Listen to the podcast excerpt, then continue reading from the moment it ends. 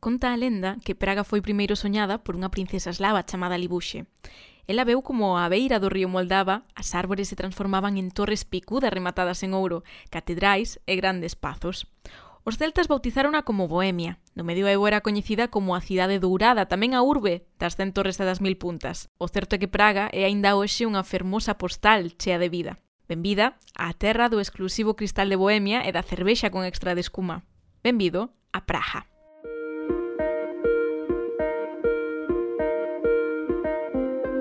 Moi boas, son Cristina Terceiro e isto é Viaxantas Podcast. Comezamos.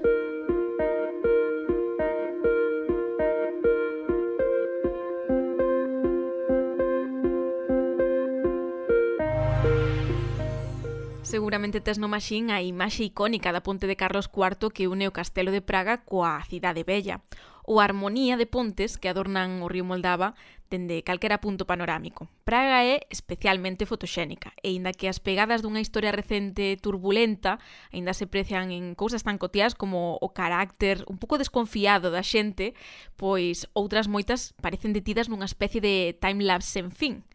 A nos encantounos, é fermosa, moi fácil de visitar, barata, por iso neste episodio imos tratar de achegarte as súas mil e unha facianas da man outra galega que leva xa oito anos vivindo por alá e sumando. Ela é Vanessa Noia. Moi benvida a Viaxantas. Moitas gracias pola invitación e espero que podamos, non sei, ver un poquinho máis Praga en profundidade ou República Checa un poquinho máis en profundidade o que se pode ver en tres ou catro días de, de viaxe. A ver, que fai unha Compostela vivindo nestas terras cunha lingua tan diferente, cunha moeda propia, cun... pois pues eso, tan lonxe da casa? Pois cheguei por cuestións laborais, eh, case case invitada por un amigo a botar un currículo e a probar sorte, e tan probar sorte que en cuestión dun mes arranxei uh, eh, un cambio de vida completo, ter que coller as miñas cousas e, e verme a Praga, e desde entón, tal e como está o mercado laboral e como son as condicións laborais aquí, é relativamente fácil quedarse eh, e, e seguir traballando, hai moitísimas multinacionais, hai moitísimas empresas dedicadas á tecnoloxía, o mercado laboral ofrece oportunidades sen, sen relativamente problema, hai un par moi baixinho, e, e eso favorece que hai moitísima xente de fora que veña a traballar precisamente a Praga, que fai cada vez unha cidade un pouco máis cosmopolita, un pouco máis movida, eh, que se poida relativamente vivir sen pagar demasiado chico, como é o caso, Um, porque con, con inglés é suficiente. Simplemente con falar co as multinacionais prácticamente arranxan todo para os empregados, uh, ah, a xente fala en inglés obviamente no traballo, e todo o que hace no centro da cidade funciona bastante ben con falar inglés, así que se hai xente que ven ande que só de turista a uns días e ten medo de non saber moverse, co inglés é suficiente. Oito anos xa dan para ter unha boa idea, non? De como é Praga, así que contanos como é vivir aquí. É unha cidade que creo que está a despertar aínda da, desa época ou dese pasado eh, casa de película de conto de fadas. E comeza a facerse como Praga un poquinho máis eh, aberto ao mundo, un poquinho máis capital europea comparado co que era hai, hai uns anos. Pero ainda así sentese como unha cidade bastante fácil de, de andar, fácil de moverse eh, e é relativamente cómoda de ir. Especialmente cando ves dunha cidade un pouco máis pequena, que non ves de, non, sei, non ves de Madrid, non ves de Barcelona, senón ves de, de, de Vigo, de Coruña ou de Santiago. E é moitísimo máis fácil adaptarse a unha cidade como Praga, porque é, é somente 1.200.000 persoas as que hai vivindo aquí en Praga, e unha cidade que se recorre relativamente fácil en transporte público. porque además en, en cuestión de, como voy tú ahora, hora y cuarto, podrás recorrer literalmente de una punta a otra. Así que es fácil meterse en la vida en, en Praga, fácil de iniciarse, elevar, porque tengo un ritmo bastante suave, una ciudad que no invita a, a correr, una ciudad que invita más bien a, a pasear y disfrutar. También una ciudad que ten, eh, aparte de la belleza espectacular, ten como certos rincos nos que se ven un poquinho máis as feridas aínda da históricas que a cidade mm, ten agochadas case case cada esquina. E iso que fai quizáis máis máis bonita, que a pesar de esa, toda esa beleza de, desa, por decir, esa fachada bonita que ten, hai moitísimas historias detrás e hai em, moito máis encanto do que do que simplemente vir e facer catro fotos para Instagram non podo estar máis de acordo con iso que acabas de decir. Se che parece, imos xa comezar non este percorrido sonoro pola praza principal de Praga, cando menos o punto de referencia non turístico que todos temos cando chegamos, esa praza da cidade bella. Un auténtico museo ao aire libre no que pois, observanse un pouco boa parte dos estilos arquitectónicos, non? É un pregunta se cando está ali dando voltas, sacando fotos, que é isto, non? De onde sae todo isto? Sí. Pois a, a Praza da Cidade Bella, que é onde está o, o reloxo astronómico, é, é basicamente o, está che de capas. Eh, e está che de capas porque a arquitectura da República Checa, xeral, foi acumulando igual que históricamente acumulou cambios, tanto de réxime como de, de reinado, eh, de religión, de idioma, foi acumulando capas arquitectónicas e en lugar de derruir o que xa tiñan e de volver a construir, simplemente reformaban o que. Co cal, eh, podes apreciar incluso o sea, o mismo edificio do románico ao gótico, ao barroco e despois pasar incluso ao neorrománico e unha, unha acumulación de capas eh, que é realmente interesante. E veo, unha das, das miñas entradas favoritas precisamente para a Praza da Cidade Bella é eh, eh unha destas ruínas que está xusto, xusto frente a, ao, ao reloxo astronómico porque eh, é unha canella que empeza a cerrar a cerrar, a cerrar, a cerrar, até que no momento que ti saes, ti saes de golpe ao adiante do, do reloxo, que fai ainda máis, máis espectacular. Eh, que o de sempre, non, é que un reloxo é, é único e que non hai outro no mundo. Si, sí, non, hai moitísimos reloxos como gastronómico como o de Praga en outras cidades europeas, pero obviamente cada cidade ten o seu adaptado ás necesidades que a, que a propia cidade tiña. A ver, xa que estamos, vámonos meter na polémica de Cheo, Aí está. non? Claro. é máis bonito. Que te paga. Ánimo, hasta contarnos un pouco como funciona. Sí, sí. Podo che contar por encima un pouco como, como vai, eh, se non se me acordo todos os detalles, claro. Básicamente ten... Eh, está composto por unha parte central que non está o reloxo co, con todo o mapa astronómico que indica a fase do día na que, na que estás, a posición da, do sol e da lúa no ceo, e ademais ten a, a hora en dous reloxos distintos. Un reloxo solar e un reloxo pois, como a que temos nós, só que en vez de 12 horas ten 24, ten todas eh, xuntas. Um, e ese, ese reloxo vai se movendo ao largo do día, tanto a esfera como as, as mans que van indicando as horas, a lúa e o sol. O sea, que tes toda, toda, toda a capa apartada no reloxo toda indicada ah, ten a parte de abaixo outra esfera na que se ven como unha especie de liñas dos alrededor eh, da circunferencia que son basicamente o santoral. Ten os 365 días cos santos todos do ano e na parte de fora trae unha serie de escenas, unhas esferas tamén eh, ao largo do ano, de cada unha por mes, na que indica eh, cal é a tarefa de agricultura daquel momento se é época de semendar, se é época de, um, non sei, de levar os años ao, ao matadoiro, este tipo de, de cosas. É todo relacionado coa agricultura que basicamente o que necesitaban entón os agricultores da época para saber que era o que tiñan que facer tanto no campo como cos animais. Xusto encima destas vosas esferas hai dúo, dúas metales pequeniñas, un galo no medio, E por esas ventanas cada hora sae e saen os, os 12 apóstoles, seis de cada lado, rotando, basicamente dicindo yo a la xente, como están estades, e xusto debaixo na xusto a, a, a esfera principal hai catro figuras, dúas de cada lado. E basicamente simbolizan os tres pecados principais da época e a morte.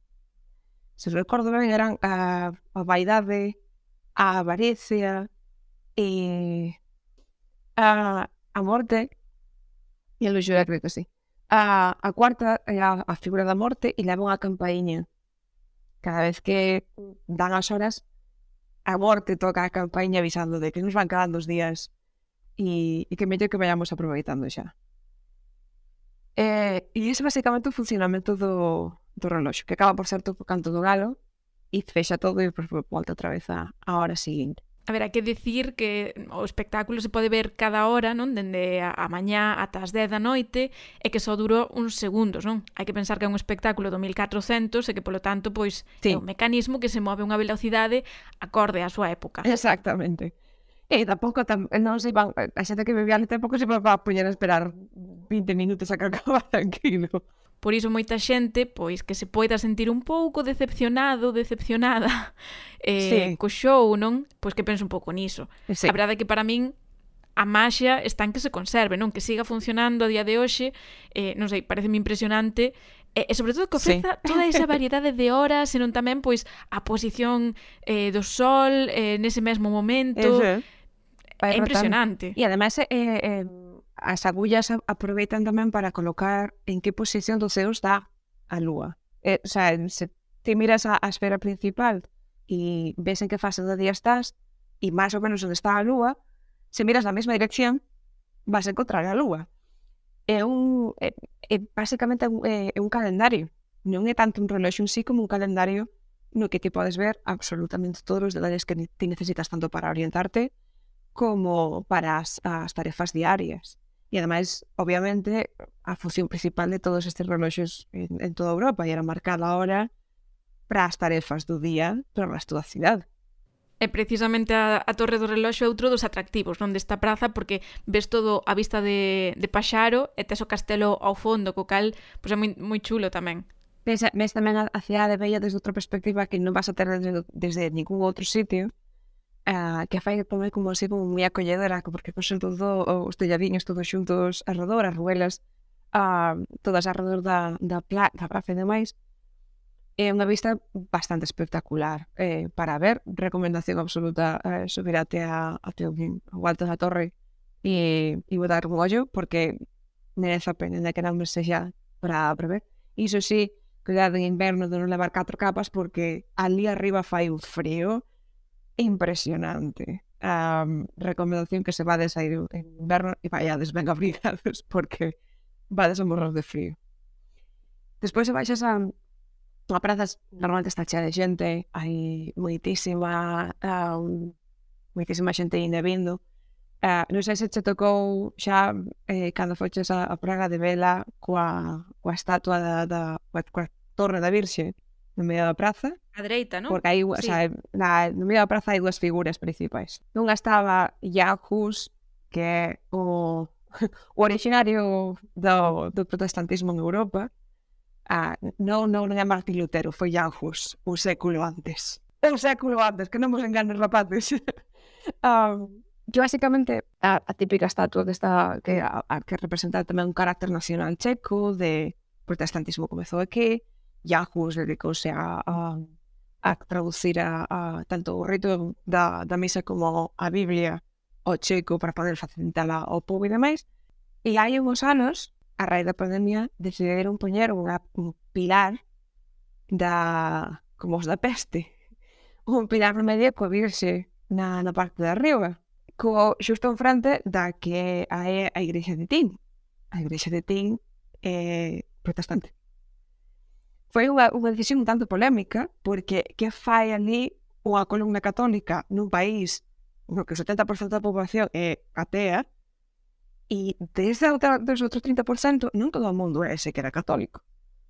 Era como, foi moi polémica, de, o, o alcalde de Praga decidiu tomar a decisión de, vale, sí, poñade aí e xa, pero houve moitísima, hai moitísima ainda polémica tirando con esa, con esa columna, especialmente porque destrúe en parte a visual que, que se tiña antigamente de tin, da igrexa, de poder sacar unha fotografía en panorámico con da, da fachada, cosa que agora xa non se pode seguir detrás da columna para poder facer a, a fotografía. Unha igrexa que ademais ten unha peculiaridade, non? Porque está pechada, está encerrada por outros edificios de, de vivendas, algo que chama bastante a atención, non? Porque na maioría das, das vilas, das capitais, este tipo de edificios relixiosos son a estrela, non? A estrela da praza, son o edificio máis importante dese lugar.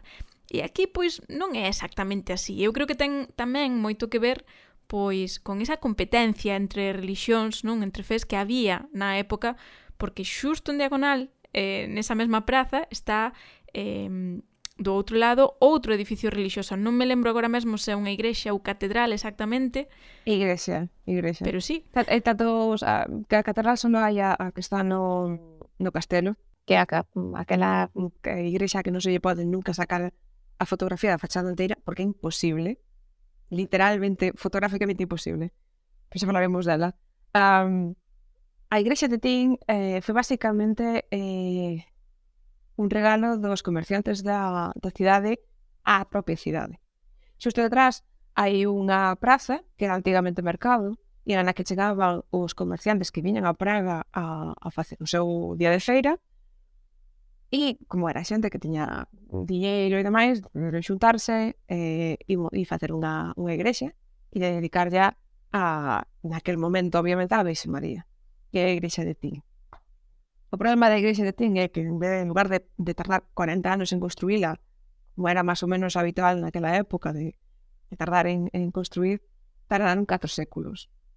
E tardaron 4 séculos porque entre as guerras de religión, eh, a, eh, pasar do, do, do imperio romano xermánico ao imperio austrohúngaro e todo o movimento político foi retrasando as obras, paralizándoas incluso até certo punto, eh, dando lugar a, uh, ok, temos aquí a igrexa a medio facer, isto non vai acabar nunca, e eu non vou deixar de facer a miña casa. Entón, houve xente que fixo a súa casa diante da igrexa, porque non contaban con que a igrexa fora a acabar nunca, literalmente. Eh, que pasou? Que siga, ao final acabouse rematado no século XIX, se non recordo mal, eh, e obviamente quedou encaixada xusto no medio das casas da, da propia praza. Dá unha imaxe bastante simpática, porque para poder entrar hai que meterse no medio das casas por unha galería para poder, para, para poder ver a fachada inteira. E dúas cousas máis, a primeira que na igrexa de Tin pois se aproveitan tamén os espazos internos non para facer concertos, por exemplo, da Filarmónica Checa, que o prezo das entradas é bastante asumible, especialmente en tempada baixa, así que nada, se vos interesa, pois botadelle un ollo eh, pois non sei, outra maneira non de, de vivir esta pois a viaxe eh, á República Checa e a Praga. E a segunda é que a igrexa ademais ten dúas torres picudas que teñen certa simboloxía, non? Porque unha delas é un pouco máis ancha que a outra, un pouco polo que nos contaron, pois a nós iso tiña que ver con Adán e Eva, non sei como que a torre máis grande correspondía a Eva polas cadeiras máis anchas da muller. Unha explicación un pouco teatreira, non? Eu case case te atribuiría máis a, a un a problema de, de arquitectura. De, empezamos a construirla deste lado, deixe quedounos a medias, e cando vamos facer a outra quedounos máis pequena. Porque re, realmente non se pode saber con tanto trashing como houve por aquí é realmente difícil saber se, se, se o diseño é feito a propósito ou non. Curiosamente, ainda así, a fachada se miras ben, ten uns símbolos tanto católicos como protestantes. Chega un punto que xa aburrironse xa de ter que andar sacando a cruz e poñendo a, a, o cáliz e depois ter sacar o cáliz e te poñer a cruz, deixaron todo acabaron antes. E eu recomendo mesmo eh, ás veces pasar por detrás da, da igrexa e meterse polas canellas que van a dar a, a tin e dar unha volta por ali porque eh, a xente normalmente pasa pola praza, tirarse cara ao río e, e, e xa, xa non ve nada máis. Merece a pena tamén perderse un pouquiño hai algunha que outra igrexa máis pequena eh, arredor que merece a pena entrar somente porque é barroco puro e os, os baldaquinos que teñen é impresionantes, é, merece moita pena ver simplemente por, por desfrutar un pouco das vistas. Um, pero tamén, de todas maneiras, separándonos despois un poquinho máis da, da praza, da cidade bella, uh, ah, hai un punto que eu recomendo irse a desde cara a Ponte de Carlos, que é a igrexa de Belén. E precisamente enlazando con Jan Hus, esa era a igrexa onde Jan Hus daba misa e onde comezou a dar a misa en, en checo a, a todo aquel que quixera escoitar. Que ao pobre acabaronlle facendo un capítulo en, en Roma, chamaron no vente que vamos a revisar aquí as túas teses, que isto anda criticando e acabaron queimando. Curiosamente, eh, Janhus, ademais de ser o precursor do, do protestantismo de Europa, eh, é, podese decir que o, a razón pola cal empeza o deporte nacional checo. O deporte nacional checo, o deporte máis seguido aquí en República Checa, son, poderíamos decir que é o hockey. Case, case me atrevo máis a decir que aquí o deporte nacional é a defenestración. Iso hai non que explicar, é que a xente non, non o sabe. A, ver, a defenestración é basicamente, mm, en poucas palabras, tirar a alguén pola ventana. Ven basicamente de precisamente Yahoo's. Um, unha vez que o chama capítulo en Roma e que o, bueno, o achicharran vivo, fan ali un churrasco con el, deixa unha boa banda de xente aquí, se quedará de, deste, este de home, que decide continuar co rito en checo, coa Biblia en checo, a pesar das indicacións de Roma, e a separarse precisamente da Igrexa Católica, xa que non respectan a, o desexo de, de, de continuar ah, a, co seu rito. E esta xente está a, totalmente acribillada políticamente polos mandatarios da época. Porque, obviamente, separarse da norma de Roma, aquel un cisma dentro tamén de carácter político, eh, e están precisamente protestando eh, diante da quinta casa do Concello, que é ese edificio que está xusto pegado á Torre do Reloxo, está protestando para que os deixen en paz, basicamente. Nos deixátenos cos nosos retos e non, e non nos facemos ruída que de cabeza esa protesta é un amigo de Jan Hus, que tamén é cura, e que ao pobre non se sabe moi ben por qué, ou non se sabe moi ben de onde, cae unha pedrada na cabeza, e aquela marcha que parecía, bueno, aquela protesta que parecía relativamente pacífica, encabronase, métese no edificio do, do Concello e tira os sete concelleiros da cidade pola ventana. Os sete. Sin ningún tipo de miramento. Aquí nos andaban con chiquitas. Nada, nada. Aquí o de andar con unha Hai que directamente, bueno, non me faz o que eu quero, pola ventana. E non será, non é a última. Esa foi esa foi a primeira. Oficialmente hai como unhas catro. Uh, ah, e, bueno, no Friturso, no, no, no Fritur, normalmente vanche contando un poquinho como cales son, onde sucederon e, e demais. Pero quedou como moi grabado na, na conciencia dos checos de, bueno, temos recursos e non nos gusta o político de turno sempre podemos tirar pola ventana. Ah, a máis divertida a segunda, porque esa foi eh, basicamente uh, ah, mandaron a, a dos diplomáticos a falar co rei. O rei encabronose con el, non quixo falar.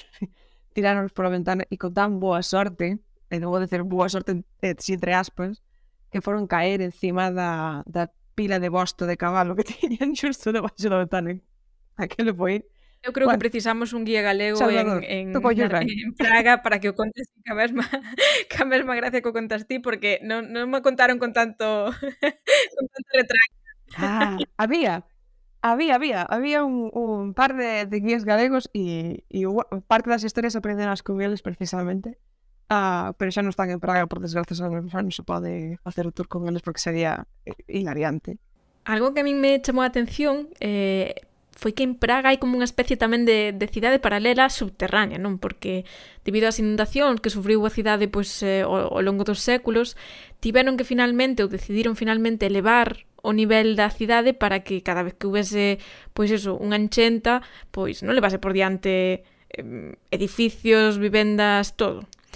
Eh, e hoxe en día o que queda diso é que pois cada casa ten dentro pois unha especie de bodega subterránea, incluso hai mesmo hai algún pasadizo, eh, non sei, dá a sensación como de, de unha cidade subterránea, non? Que quedou un pouco, pois, obviamente, detida no tempo, non? Co, con eses eh, materiais eh, da época, etc. Precisamente, das enchentas eh, decidiron ir elevando o, os, o chan da, da cidade pouco a pouco para evitar que as riadas acabaran meténdose nas casas até a primeira planta.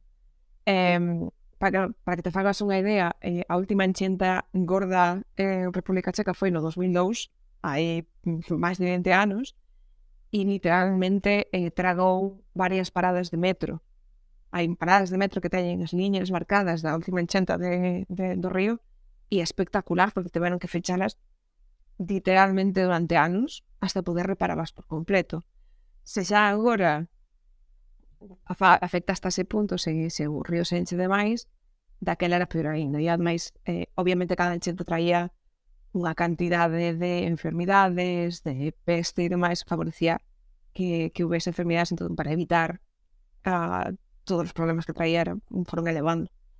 Obviamente a xente non ia renunciar á planta da baixa que tiña do seu edificio mm, simplemente por levantar o, o chan. De aí que eh, se vades tomar unha, unha cervexa, o máis probable que acabedes nun subterráneo do propio pub, xa nem sequera na planta de arriba, senón nada abaixo, ¿eh? encerrados nunha especie de, de bodega tomando unha birra tan, tan tranquilamente. O dos túneles eh, é aínda máis uh, ah, gracioso porque um, un dos reis da, do Imperio Romano Xermánico, eh, chamábase Rodolfo II, que para máis señas era sobrinho de Felipe II. Rodolfo pasou a súa adolescencia co, co, Tito, Fer, co Tito Felipe, e o Tito Felipe, no que parte enseñarle a ser un bo católico, un, un rei católico hasta a medo, enseñou alquimia. E vixou, no tanto, que Rodolfo II tiña un equipo de alquimistas no centro da cidade, na zona bella, nunha casa, con un túnel que conectaba por debaixo do río directamente co castelo para que cando tiñan algún descubrimento que simplemente pasaron polo túnel chegaran a xudo do rei e dixeran pera, temos un experimento aquí, vamos chos soñar hasta ese punto Seguro que facía algunha falcatruada máis usando os túneles. Te, bueno, tampouco creo que lle fixera moita falta. Igual lle facían as falcatruadas directamente no castelo. Porque, según se di, Rodolfo era dos que como, como a Tito. Eh, estaban de, de bueno eh, Rodolfo II directamente puñeron na ventana, pasaban os, os cervos pola parte de baixo e el simplemente disparaba o arcabuz e fora. Caza a domicilio, sabes? Da Franco puñen os troitas no, no fío, a este señor puñen diante da ventana. Non inventamos nada. Pois pues, eh, hai moitísimos túneles están ainda por descubrir, eh, precisamente da alquimia, é un deses rincóns que a xente non sabe ou non coñece moito porque non, hai, non abriu hai demasiado tempo, hai como cinco ou seis anos abriron un, un museo dedicada á alquimia, que é unha casa pequeniña, bastante, bastante pequeno, pero me recomendo simplemente ir por, por a curiosidade de, que ese precisamente mostrarvo a entrada do túnel. Teñen fechado ao público porque obviamente están ainda reparando e demais, pero é posible, xa está aberto eh, para, obviamente que ten permiso, para poder cruzar. E cruza perfectamente por debaixo do río, que o río pequeno, pequeno non é. O sea que é, é bastante curioso. Hai máis pasadizos, encontraron máis, pero a maior parte deles están, están estragados precisamente polas enchendas e pola, pola subida do, do, do nivel da cidade. Curiosamente, o da subida do nivel da cidade eh, é tamén bastante polémico, porque a última parte en subir é precisamente o barrio xudeu, que é o que está xustiño ao lado da Plaza Bella. E é polémico basicamente porque eh, só se fixo ese cambio de subir o chan nesa área xa no século XIX. E esta xente levaba subindo chando cidade desde había dous ou tres séculos antes. E é basicamente porque, obviamente, polo antisemitismo da, da zona. Non é só Praga, eh, Europa naquela época era eh, cruzaba dun país a outro, non tiña, non tiña filtro. E, curiosamente, a parte do barrio xudeu é eh, agora mesmo a parte máis cara da cidade. Agora que mencionas o barrio xudeu, hai que decir que é un atractivo turístico en sí mesmo. É certo que os xudeus son moi listos, non? Que foron moi listos a hora de sacarlle rendabilidade ás cousas, parte tamén por ter sufrido non todo ese antisemitismo ao longo da historia de estar en perpetuo movimento eh, pois, no, debido ás numerosas expulsións que sufriron Eso levou a que aprendesen a, a facer a súa riqueza un pouco móvil, non? E que souberan mantela no tempo. Non é unha visita rápida, eu diría que hai que adicarlle polo menos unha mañá, porque ten todo un circuito de diferentes sinagogas, que son case pois un museo, algunha delas é impresionantemente fermosa, eh, hai moitísima información e se non levas un pouco un audioguía ou alguén que che vai explicando, eu creo que se perde totalmente o contexto. Entón, nada, eu creo que máis alá de quedarnos coa foto fermosa, non, da sinagoga española, que a moitísima xente pois inmediatamente os traslada, non, a, a Andalucía especialmente, pois que hai que entender o que é hoxe, non é o que foi ese, ese barrio xudeu. Non sei se ti nos podes mm, contar un pouquiño. Primeiro que nada, eh, eh, a parte das sinagogas que están bastante dispersas e son eh, relativamente pequeniñas comparadas co, con a idea que nos temos das igrexas, um, hai varias e algunha delas non é tan fácil de ver. Pero basicamente porque podes pasar por dentro dele parece un edificio calquera. Estou falando, por exemplo, da Maiselova, é a máis coñecida da, das, das sinagogas, e, sin embargo, pasar por diante e non a ver é relativamente fácil. Um, o que se pode ver, ademais, a parte da avenida principal, que é Parisca, ah, ou a avenida de París, que é onde están todas as tendas máis caras de Praga, eh, as máis luxosas. Fora dai, son eh, ruas aínda máis estreitas do que xa era a, a cidade eh, bella de, de Praga, na que nos temos que facer unha idea de que o barrio xudeu encapsulaba, estaba amurallado, e encapsulaba a poboación xudía da época, ali creouse a propósito de máis eh, o barrio xudeu para evitar que, que houbese eh, conflictos entre os católicos e, e os, os, xudío, os xudeus naquele momento, coa restricción de que os católicos tiñan o 90% da, da cidade para eles e era, eh, a, os xudíos quedaban literalmente o 10% ao lado do río que se inundaba constantemente co cual hacinados pois con enchentas todos os anos, a que lo era eh, unhas condicións infrahumanas para, para vivir, ademais de que o feito de estar separados do resto da cidade facía relativamente fácil que se producira o que se chamaban os pogromos, os ataques continuos á poboación xudía por parte dos católicos no momento que se lle cruzaba o cable. Co cual temos un grupo que por si se considera étnico, religioso, encapsulado nunha, nunha esquina da cidade que é completamente insalubre e non as condicións eh, sociais nefastas. Eh, ah, daí nace precisamente unha das lendas da cidade, que é a do golem. Estou case segura que con todo o mundo veu falar do golem en algún momento, que basicamente o rabino Sa eh, Maisel decide, canso xa de que entren no, no barrio xudeu a atacalos sen ton nen son, decide crear unha criatura que os protexa. E para iso fa co barro que tiñan precisamente do río, construe un home de dous metros de alto e escribe na frente a palabra emet, que é a palabra verdade en hebreo e dalle vida. Así que o, o Golem dedícase basicamente a manter a seguridade dentro da, do barrio xudeu para controlar os, os, os ataques. Que pasa que o Golem, según vai pasando o tempo, vai se facendo como máis autónomo, vai atacando un pouco máis sen son.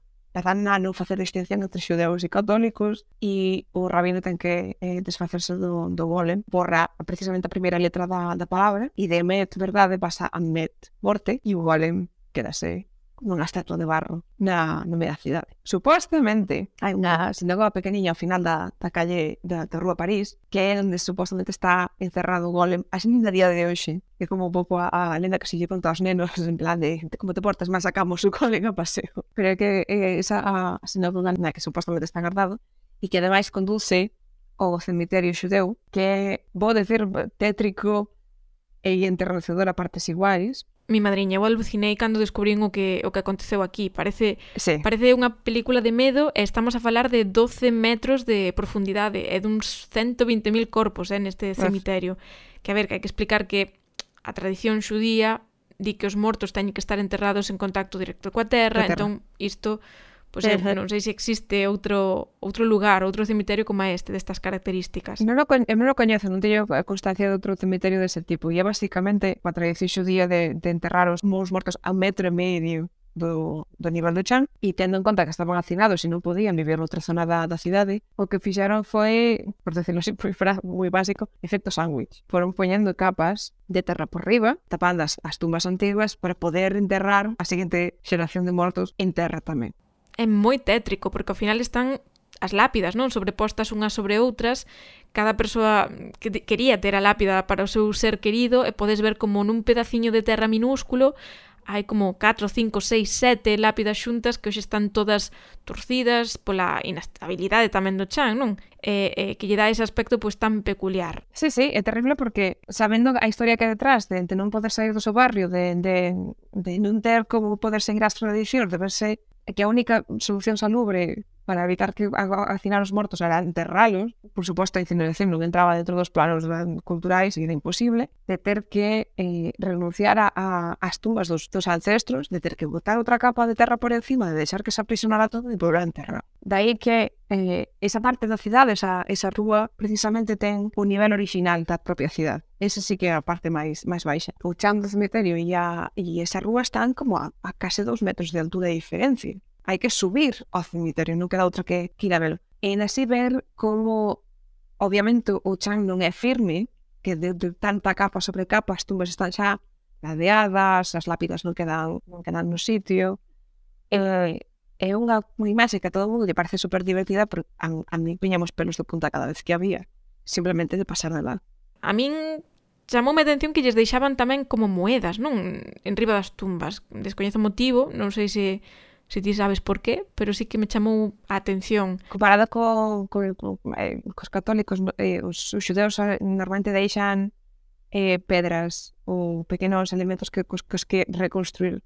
A, a idea é reconstruir a Xerusalén da, do ceo unha vez que eh, se volvan a reunir todos, todos xuntos e se poña que vai polo mesmo camiño de recollen moedas de ter algo co que a sobrevivir no máis alá unha vez que, que cruzan o das flores para, para eles non funciona, eh, eh non ten nada que ver. De todas maneiras, eh, o barrio xudeu, por sorte, no século XIX que abre as portas, ou mellor dito, eh, dá selles salmoconducto a, a, por menos unha parte dos xudeus a sair do barrio xudeu e a, a poder establecerse noutra parte da cidade. Se tedes a oportunidade de ir, un dos sitios aos que non vai nadie, normalmente a xente non se para, non ten tanto tempo como para ir, e ir a Praga 3, hai un cemiterio judeu na parte de Janitskevo, que era toda a liña verde do metro, podedes preguntar, porque basicamente é ali onde está enterrado Kafka.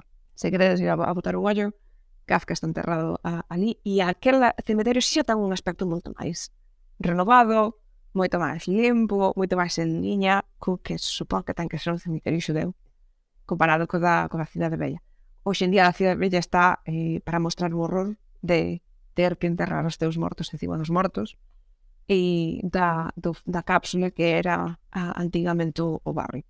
O problema foi que no momento en que as familias máis pudentes do barrio xudeu se comezaron a trasladar para cá tres, o barrio xudeu comezou a encher de xente que non tiña onde caer morto, toda xunta no mesmo, no mesmo punto, e acabou se convertindo eh, no foco de inseguridade por cuestións moi básicas. Eh, os, os últimos dos últimos estaban vivindo ali e estaban a dous pasos do, do, do Concello, dous pasos do castelo prácticamente, porque era cruzando máis o río. Eh, tiveron que facer ao longo dos anos varias, varios cambios e varias reformas eh, do barrio até abrilo por completo eh, e facelo un barrio máis máis salubre. Ademais do cemiterio do barrio xudeu e a sinagoga española, tamén hai outra das sinagogas que é como unha homenaxe a todas as persoas asesinadas en campos de concentración. Son muros cheos e cheos de nomes e apelidos de persoas, non? Obviamente que tiveron que ser restaurados polo, polo co paso do tempo, pero aínda hai algúns trozos que algúns anacos que se manteñen pois o, o texto orixinal, tal e como estaba. Especialmente porque eh, Cando pensamos nos campos de concentración sempre se nos vai á cabeza os campos de Polonia, Auschwitz. Curiosamente, o campo de, de Auschwitz era un campo de exterminio. Campo de concentración, ou a idea do campo de concentración empeza precisamente na República Checa. Hai un camp, había un campo de, de concentración ás afueras de Praga, chamase Teresin, e é onde eh, cando os nazis deciden invadir os sudetes e, e meterse en Praga, te comezaron a desviar todos os xudeus fora da, da cidade. A historia de Teresin é aínda máis tétrica que o propio cemiterio xudeu porque diseñouse para montar a mentira de que o nazismo en realidade viña a botar unha man co problema antisemita. Converteuse na fachada perfecta diante de organismos como a Cruz Vermella para indicar que non, non isto é unha cidade para os xudeus, para que les poden vivir as súas santas, que teñen as súas tradicións e demais, sen perigo de que nadie os veña a atacar a realidade era que vivían ainda máis hacinados que vivían cando estaban no barrio xudeu, eh, que non tiñan ningún tipo de dereito, que os facían eh, traballar horas sin fin, eh, que cando veo coa vermella montaron todo un, un chiringuito, a, toda unha performance para un día das cámaras, de que os nenos estaban super contentos, os nenos levaban 4 días sin comer e regalaron unha dulce de chocolate, estaban que non podían comer, obviamente, aos que ainda se conservaban sans, puxáronos a xogar ao fútbol, a, a facer obras de teatro e demais, e, eh, e ao resto a, eh, agocharonos nas, nos pabellóns e non nos deixaron sair. A parte máis tétrica do, do, do, do, do campo de concentración en sí é que se ve que as portas de Trexen estaban sempre abertas. O portón principal da cidade nunca se pechaba. Que non facía falta. Sabían perfectamente que no momento que botaron o pé por fora, non saían dali sí, unha campaña de marketing do nazismo para lavar a súa imaxe que chegou a cines de toda Europa, ademais. Sí, sí, e, e nos primeiros anos da xusto antes da guerra traganos a historia total e absolutísimamente. Non houve eh, maneira de, de, no, de convencerlos do contrario. Enterese teñen eh, tamén unha visita que merece a pena, eh, que se poda ir ademais desde Praga en, en tren, que se tarda un poquinho de tempo en, en ir e volver, e que está totalmente recomendada que precisamente fora da cidade teñen un crematorio. Se decíamos antes que eh, os xudeus o de cremar non entra nos planos e eh, enterrar en terra, eh, imagina ah, o horror de, de poñer os propios xudeus a queimar os corpos dos seus eh, coxeneres e de ter que andar remexendo na, nas dietas e recoller todo o que fora de valor.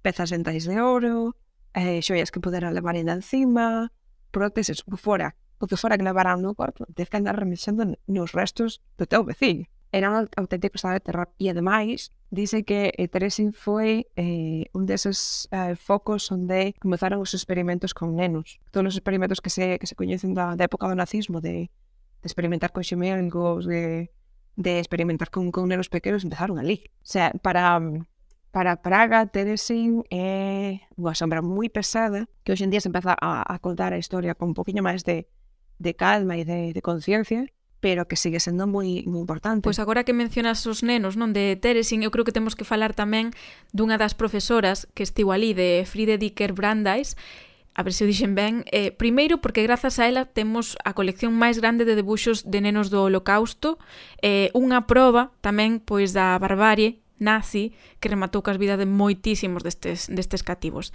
Ela era xa unha recoñecida artista non do período de entreguerras e aínda que non estaba pois permitida a educación formal nestes guetos, nestes campos de concentración en definitiva, pois pintar digamos que non era considerado como unha, como unha formación, senón como un xeito de entreter.